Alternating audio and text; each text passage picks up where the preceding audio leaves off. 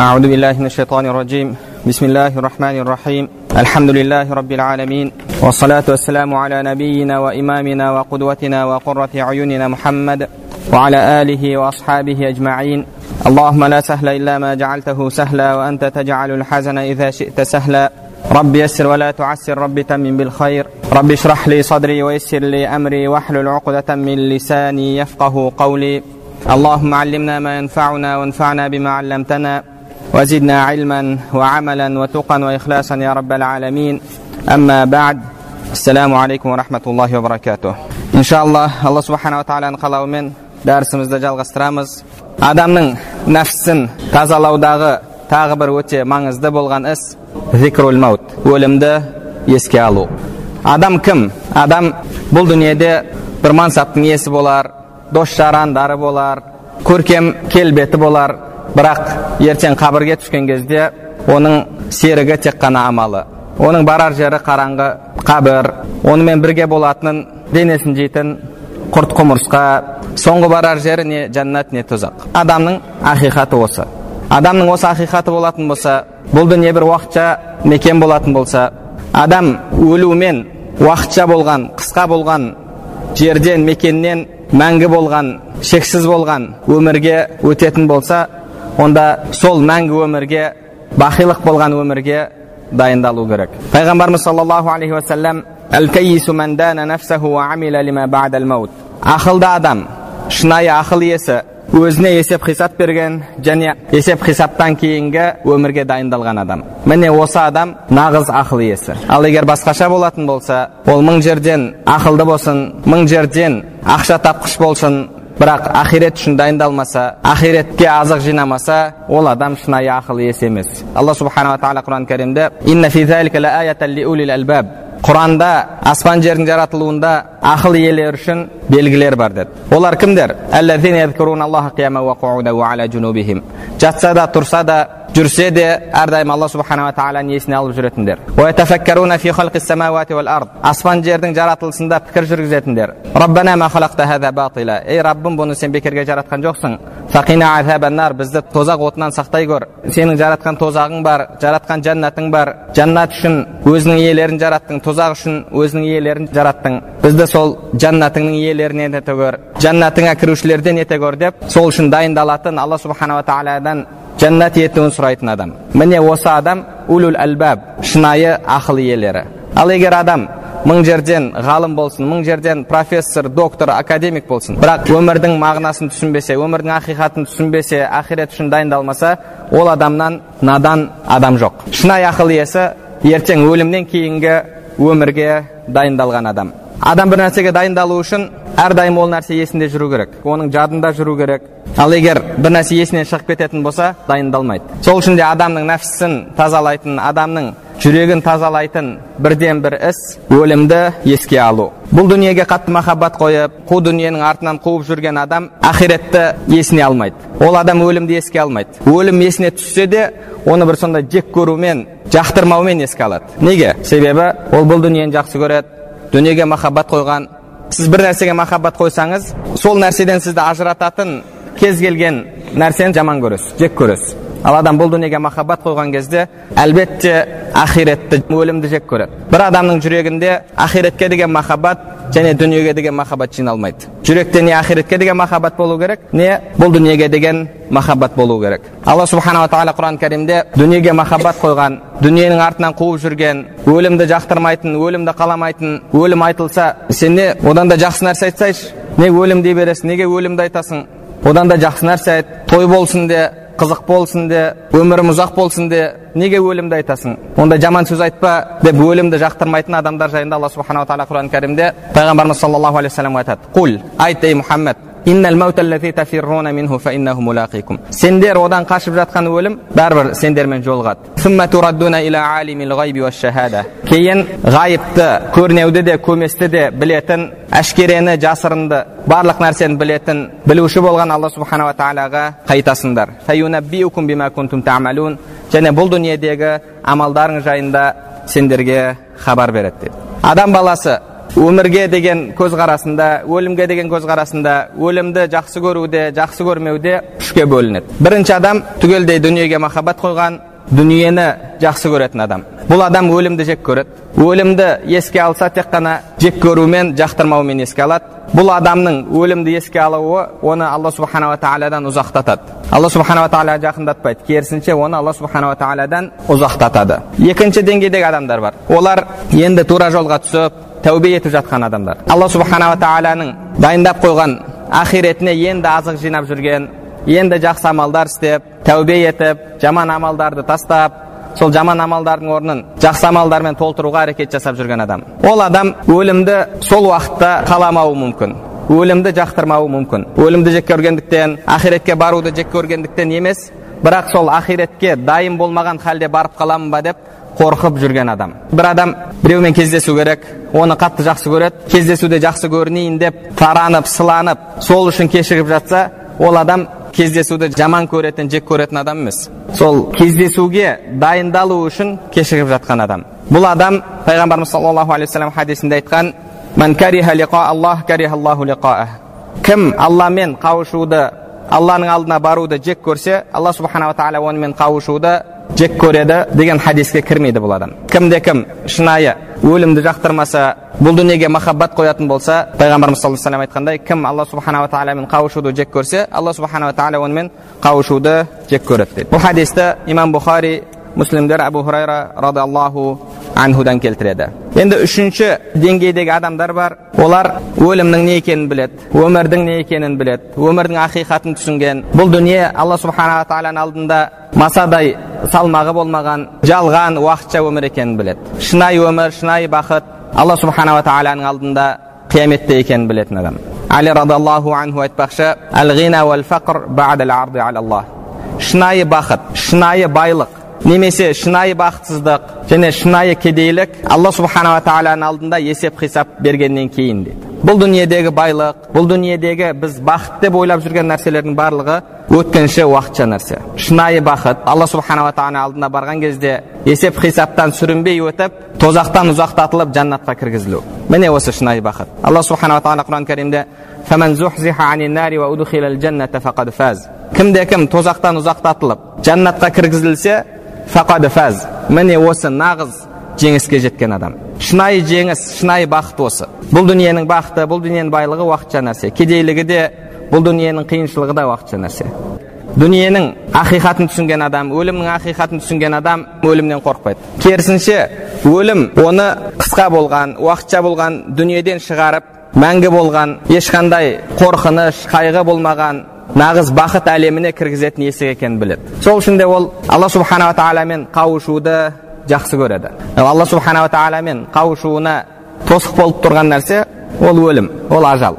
Егер сол есіктен кіретін болса мәңгі бақытқа жетеді мәңгі алла субханала тағаламен бірге болады бұндай адам өлімді жақсы көреді және өлімді жақсы көруінде өзінің себебі бар тәубе етіп жүрген адам да тура сол уақытта дүниеден өтіп кетуді қаламайды оның да өзінің себебі бар себебі ол сол жаққа дайындалып барсам азық түлік жинап барсам дейді яғни адамдар жалпы өлімді жақсы көруде жек көруде үшке бөлінеді екен біріншісі жек көретіндер дүниеге махаббат қойғандар екіншісі тәубе етіп дайындалып жүргендер үшіншісі шынайы алла субханала тағала махаббат қойып ақиретті жақсы көріп алла субханала тағаламен қауышуды сағынып соған дайындалып жүрген адамдар. Билал радиаллаху анхуға өлім сәті келген кезде жаны қиналып жатқан кезде қызы деді қандай қайғы қандай өкініш деді сонда белал радиаллаху анху қызын ол сөзді айтудан қайтарып керісінше айт уа фархата қандай қуаныш деп айт ертең иншалла өзімнің жақсы көргендеріммен қауышамын мұхаммедпен қауышамын оның сахабаларымен қауышамын деген сөзді айтқан еді өлімді еске алып жүру әрдайым ақирет үшін жаралғанымызды ұмытпау адамның нәпсісін тазалайды адамның жүрегін тазалайды адамның дүниеге махаббат қоюынан тосады адам ақиретті ұмытып кетсе бұл дүниені жақсы көріп кетеді бұл дүниенің артынан қуып кетеді ал қашан өлім бар екенін өлім келген сәтте осы байлықтан бұл дүниенің ләззаттарының бәрінен айырылатынын білген кезде оның уақытша нәрсе екенін білген кезде дүниеден ұзақтайды дүниеден алшақтайды мәңгі болған ақиретке дайындық көреді. Сол үшін де дінімізде жалпы өлімді еске алып жүрудің артықшылығы бар. Оның өзі бір үлкен адамға берілген қасиет. Егер өлім әрдайым жадыңызда жүретін болса әрдайым есіңізде жүретін болса бұл алла субханала тағаланың сізге берген бір жақсылығы. Пайғамбарымыз саллаллаху алейхи уассалам өзінің хадисінде сендерді қабірлерді зиярат етуден қайтарған едім енді зиярат ете беріңдер яғни белгілі бір себептермен олар қайтарылған еді. Бұдан кейін сендерге рұқсат қабірлерді зиярат етіңдер. Қабірлерді зиярат ету ақиретті естеріңе түсіреді деді. Пайғамбарымыз саллаллаху алейхи уассалам имам термизи имам ибн мажалар абу хурайра радиаллаху анхудан келтірген хадисте бұл дүниенің ләззатын тоқтататын соны кесетін соны құртатын нәрсені көп еске алыңдар деді. Яғни өлімді еске алыңдар. Өлім бұл дүниенің уақытша екенін сездіретін нәрсе. Пайғамбарымыз саллаллаху алейхи вассалам сол үшін де өлімді көптеп еске алыңдар дейді. Имам байхақи шуабул иманда умму хабиба әл жухания радиаллаху анхадан келтірген хадисте пайғамбарымыз саллаллаху алейхи вассаламнан риуаят етіледі.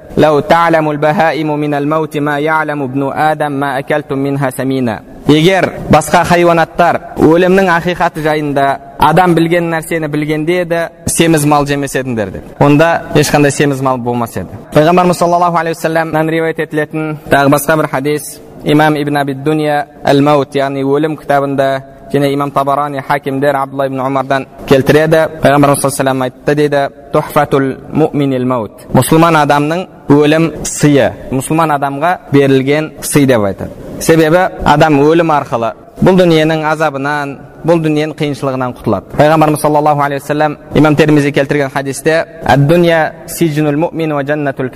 бұл дүние мұсылман адамның түрмесі кәфір адамның жәннаты дейді мұсылман адамның түрмесі кәфір адамның жәннаты кәпір адам бұл дүниеде қалағанын істеп жүреді ләззаттанады рахаттың артынан қуып жүреді қалағанын істейді а мұсылман адам алла субханала тағаланың бұйрықтарын орындайды қайтарғандарынан қайтады өзінің шахуатын тыяды ол адам үшін бұл өмір шектеулі бұйрықтардан қайтарулардан тұратын өмір ал ақиретте ертең амал жоқ. Амалдың жазасын көру бар амалдың сыйын көру бар бұл дүниеде амал бар есеп хисап жоқ. Ертең ақиретте есеп хисап бар амал жоқ. Және сол есеп хисаптан кейін сол амалдың жемісін көру бар сол үшін де мұсылман адам үшін ол бір сый егер ол шынайы алла субханала тағала алдына баруға дайындалып жүрген адам болатын болса бірде бір халифалардың бірі үстіне таза әдемі киімін киіп атқа мініп көшеде кетіп бара жатқан кезде алдынан бір яхуди шығады яхуди қиналып жұмыс істеп жүрген адам шаршап шалдығып күнін зорға көріп жүр халифаны көрген кезде тоқтатып ей пәленші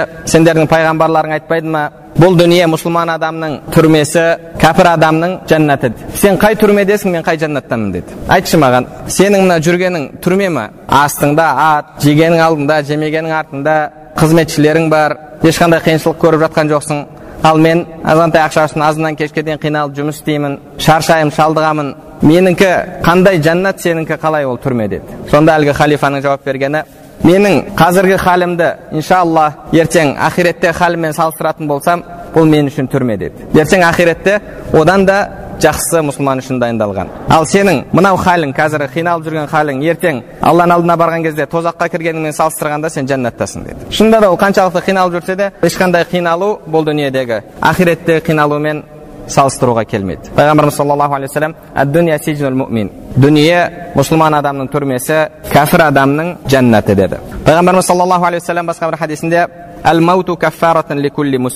хадисті имам әбу нуайм хиллат әулия кітабында және имам байхақи шуаб лиман кітабында имам хатиб бағдади тарих бағдад кітабында анас ибн малик радиаллаху анхудан келтіреді мағынасы өлім мұсылман адам үшін каффарат мұсылман адам үшін өлім каффарат яғни оның кіші күнәлары болатын болса өлім келген сағатта жанның шығуы кезінде қиналуы мен күнәлары кешіріледі пайғамбарымыз саллаллаху алейхи вассалам басқа бір хадисінде мұсылман адамның аяғына кірген тікенектің өзі де ол үшін каффарат деді қандай күнәлардан каффарат кіші күнәлардан каффарат үлкен күнәлар істеп жүрген болса арнайы тәубе ету керек ал кіші күнәлар болса құранда алла субханала тағала оны ләмәм деді ләмәм яғни кішігірім күнәлар байқаусызда адам жасап қоятын. Ол күнәларға біздің намаздарымыз каффарат болады қиналсақ каффарат болады ауырсақ каффарат болады. Және соңғысы өлім кезіндегі қиналу каффарат болады да иншалла бұл дүниеден ол адам сондай таза болған халде шығады. Бұл дегеніміз өлімнің және оны еске алудың дініміздегі ерекше орнын артықшылығын білдіреді. Ибн умар радиаллаху анхум айтады пайғамбарымыз саллаллаху алейхи вассаламға он кісімен бірге келдім фақала ражулу минал ансар сонда ансарлардан болған бір кісі пайғамбар саллаллаху алейхи айтты дейді ман насу акрамун наси расулаллах адамдардың ең ақылдысы және ең құрметті етілгені кім деген кезде пайғамбарымыз саллаллаху алейхи вассалам أكثرهم ذكرا للموت وأشدهم استعدادا له أولئك هم الأكياس ذهبوا بشرف الدنيا وكرامة الآخرة өлімді ең көп еске алғандар және соған қатты дайындалғандар. Міне солар нағыз ақыл иелері бұл дүниенің жақсылығына және ақиреттің байлығына қол жеткізгендер деді хадисті имам ибн мәжа және имам ибн абид дуния рахимахуллахтар келтірген. Өлім адам үшін уағыз үгіт. Адам әрдайым уағызды үгіт насихатты қажет етеді. Кейде бір үгіт насихат уағыз естисіз жүрегіңізде бір иманыңыз күшейгендей болады.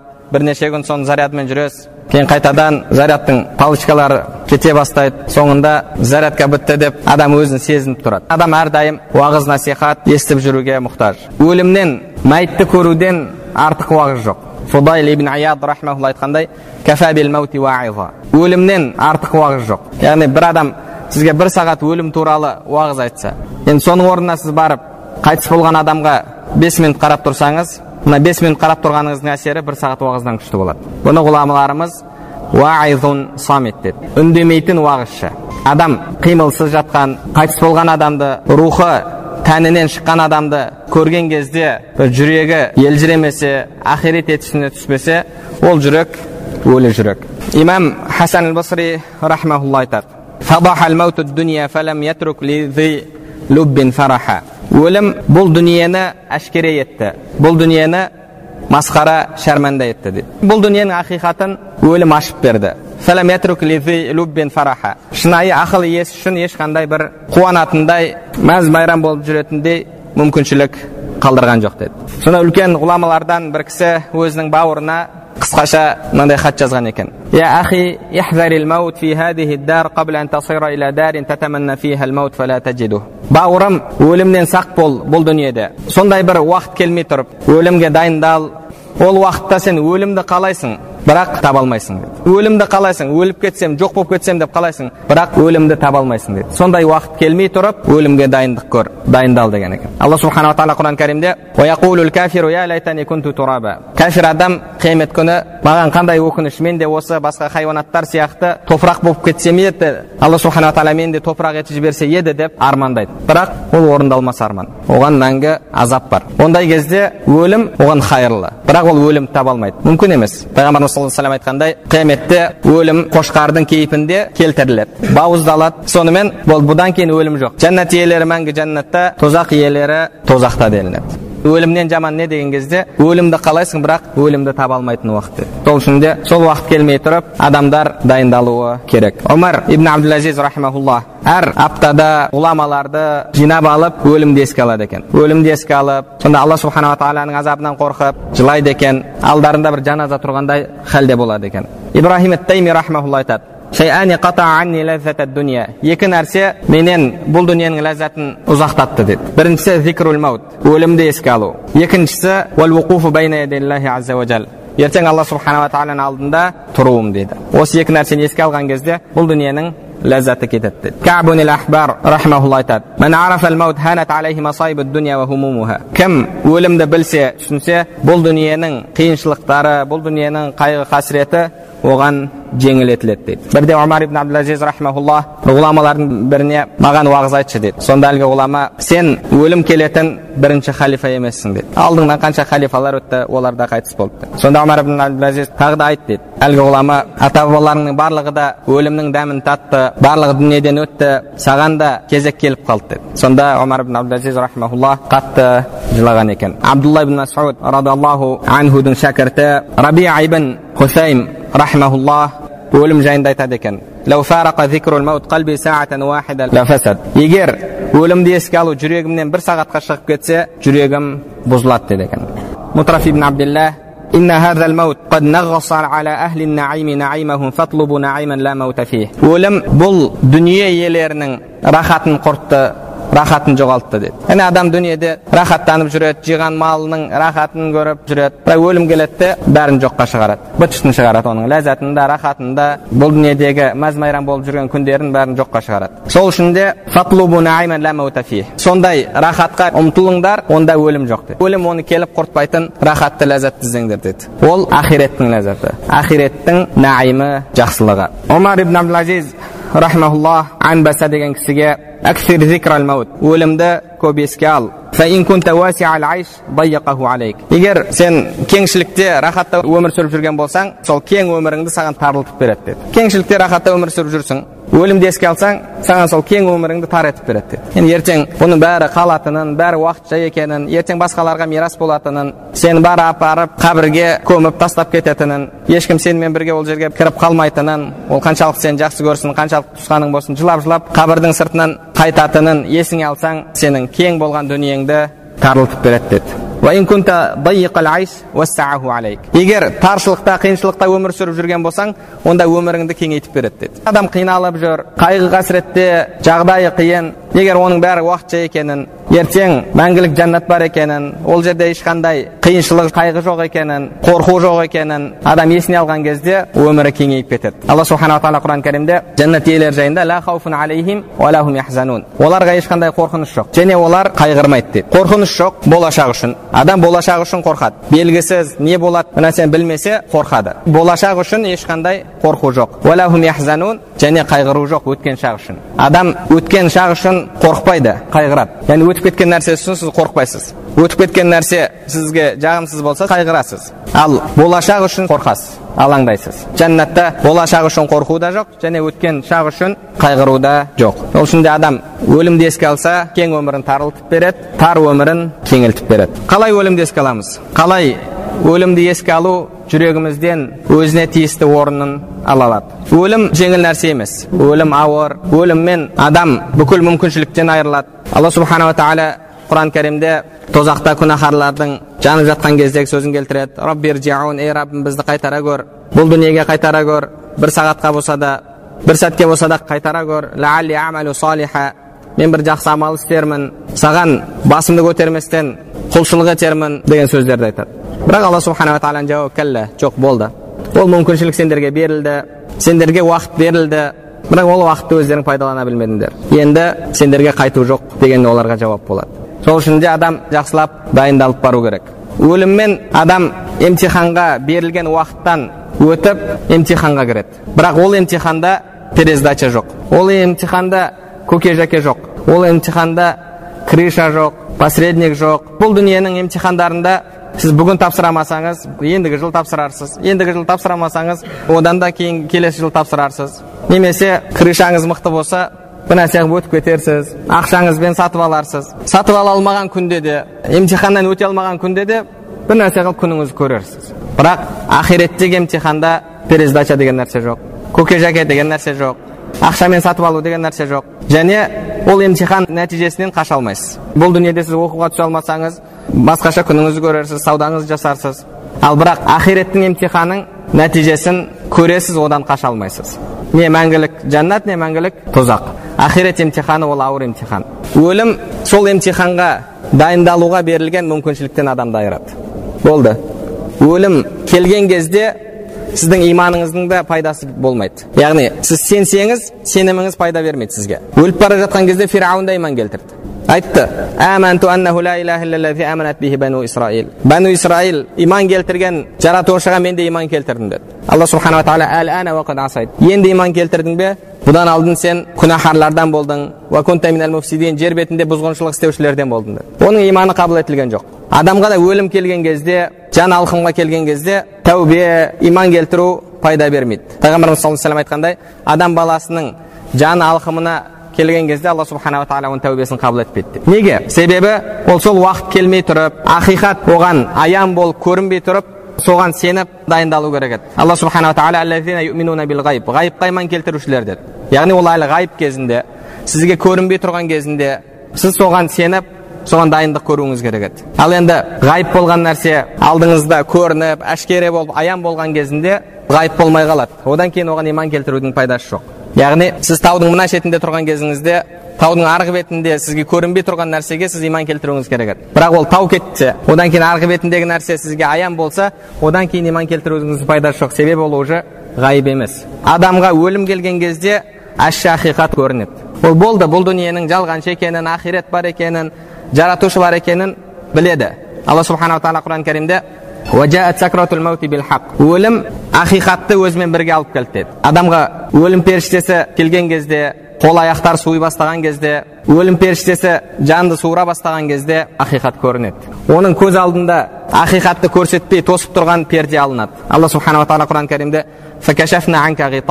сенің көз алдыңнан пердені алып тастадық деді бүгін көзің өткір ақиқатты көрді оған арғы жақ көрініп жатыр ақиреттің иісі келіп жатыр ол кезде тәубе етудің ол кезде өкінудің иман келтірудің пайдасы жоқ одан алды мүмкіншілік берілді сол мүмкіншілікті пайдалану керек пайдалану үшін өлімді естен шығармау керек әрдайым оны өлім күтіп тұрғанын бүгін болмаса ертең ертең болмаса оның әр күні өлім келетінін естен шығармау керек. Адам әр күні осы соңғы күнім деген сеніммен өмір сүру керек. Пайғамбарымыз саллаллаху алейхи уассалам намаздан алдын бұл дүниемен қоштасушы адамның намазын оқыңдар дейтін. Яғни адам болды маған өлім кеп тұр міне өлім періштесі есігімді тақылдатып тұр деген ода сенім болса қоштасушы адамның намазын оқиды. Әрдайым адамның жанында өлім жүру керек. Өлім жүрген кезде ақиретке дайындық көреді. Адам өлімнің сондай қатерлі екенін байқаса ертең мәңгілік жәннат мәңгілік тозақ бар екенін ешқандай оған таңдау берілмейтінін түсінсе сол нәрсені әрдайым ойлап жүреді есінен шығармайды. Сіз бір маңызды сапарға шығайын деп жатсаңыз ойыңыздың бәрі сол сапар жайында болады. Қатерлі сапар болатын болса қалай істесем екен қалай барсам екен ол жаққа барғанда не істеймін? Адам әрдайым соны есіне алып жүреді. Ал өлімді адам әрдайым есіне алып жүрсе бұл дүниеге махаббат қоймайды жүрегі әрдайым жұмсақ болады ақиретке дайындық көрумен болады. Адам өлімді еске алудың ең тиімді жолы өзінің дүниеден өткен құрбы құрдастарын дос жарандарын еске алу керек. Қанша таныстарымыз бар достарымыз бар о дүниелік болды олар да кезінде жүрген еді бұл дүниенің артынан қуып жүрді бұл дүние үшін әрекетін қамын жасады күлді ойнады білекте көш белде қуат бар еді тепсе темір үзердей алла субханала тағала берген күш қуат бар еді алла субханала тағала берген көрікті түрлері бар еді қазіргі халдері қандай болды оны топырақ өшіріп жіберді мәжілістерде өзінің орны бар еді орны босап қалды. Әйелдері жесір балдары жетім қалды. Бірақ кезінде ол да жүрген еді. Сондай болатынын сезбестен рахаттанып ойнап күліп жүрген еді. Шешендікпен сөйлейтін еді. Ал қазір тілі құртқа жем болды. отыз екі тісін көрсетіп рахаттанып күлер еді. Тістерін топырақ шірітіп жіберді. Яғни халдері бұрын қандай еді қазір қай халде? Бірақ ол да оны сезбеген еді. Өзіне қажет болмайтын бір жылдық екі жылдық керекті нәрселерін жинап дайындалып жүрген еді. Яғни бір нәрсені алып жатыр. Қыста керек болады. Қыста осының рахатын көремін. Жарты жылдық қамын жасап жатыр. Жарты жылдық қамын жасап жатып өлім мен оның арасында бір айлық уақыт бір апталық уақыт қалғанын сезбеген еді. Олар да жүрді. Бірақ қазір қайда? Есімдері ұмыт болды орындары босап қалды. Біз де солар сияқтымыз. Олардың бастарына түскен күн неге біздің басымызға түспеске? Кім өзіне кепілдік бере алады? Мен алпыс жыл өмір сүремін жетпіс жыл өмір сүремін пенсияға шығамын немерелерімнің алдында күліп ойнап мәз болып отырамын тоқсанға келіп дүниеден өтемін деп кім өзіне кепілдік бере алады? Бірде бір халифалардың бірі таң намазына асығысып кетіп бара жатқан кезде бір жас баланы көреді. Ол да асығысып кетіп бара жатады. Ей бала сен қайда кетіп бара жатсың намазға асығып бара жатырмын. Саған ерте емес пе? Сен әлі жассың. Сенің жасыңдағы балалар әлі ұйқысынан да тұрған жоқ сонда баланың берген жауабы кеше менің бір жолдасым дүниеден өтті. Бірақ өлім оған сен әлі жассың ғой сен әлі өмір сүр деген жоқ. Ол менің де басыма түспесіне кім кепіл? деп жауап береді. Алла субханала тағала сондай ақыл беріп қойған бала еді. Сонда әлгі халифа қатты сол жерде өкіріп жылаған екен. Адам өлімді еске алу жүрегінен тиісті орын алу үшін о дүниелік болған өзінің дос жарандарын құрбы құрдастарын көру керек. Сол кезде тиісті орнын алады. Бір қайтыс болған адамды есіне түсіріп кейін оның бұл дүниеде қалай жүрген еді соның бәрін есіне түсірсе одан кейін қазіргі халі қандай болды соны есіне түсірсе одан кейін өзін салыстырса ол адамның жүрегіне өлімді еске алу шынайы кіреді. Ал біздің еске алуымыз көбінше жүрегімізбен емес жай ғана тілімізбен еске аламыз. Е қашанға дейін өмір сүреміз дейсің ертең біз де өтеміз да деп тілімізбен айтып қоямыз. Бірақ жүрегіміз соны шынайы сезінбейді. Әбу дарда радиаллаху анху айтады егер қайтыс болғандарды еске алатын болсаң өзіңді солардың бірі ретінде көр деді ибн мәсуд радиаллаху анху айтады шынайы бақытты адам басқа біреуден ғибрат алған адам деді басқа біреу оған ғибрат болған уағыз болған адам ал ақымақ адам басқа біреуге уағыз болған адам ғибрат болған адам. Шынайы ақыл иесі басқа біреулердің басына түсіп жатқан нәрсені көріп ойланады өзіне отчет беретін адам. Ақымақ адам басқалар айтады е пәленшені көрмейсің ба ән былай істеп жүрген еді басына мынандай нәрсе келді. Басқаларға ғибрат болатын адам. Омар ибн абдулазиз рахмаулла айтады көрмейсіңдер ме? Қанша адамдарды қанша дос жарандарыңды сендер күнде о дүниеге шығарып салып жатсыңдар апарып жерге қараңғы көрге тапсырып кетіп жатсыңдар артында бала шағасы қалып жатыр дүниесі қалып жатыр. Соны еске алыңдар. Ертең сендерге де осы нәрсе жетеді. Бастарыңа осы нәрсе түседі.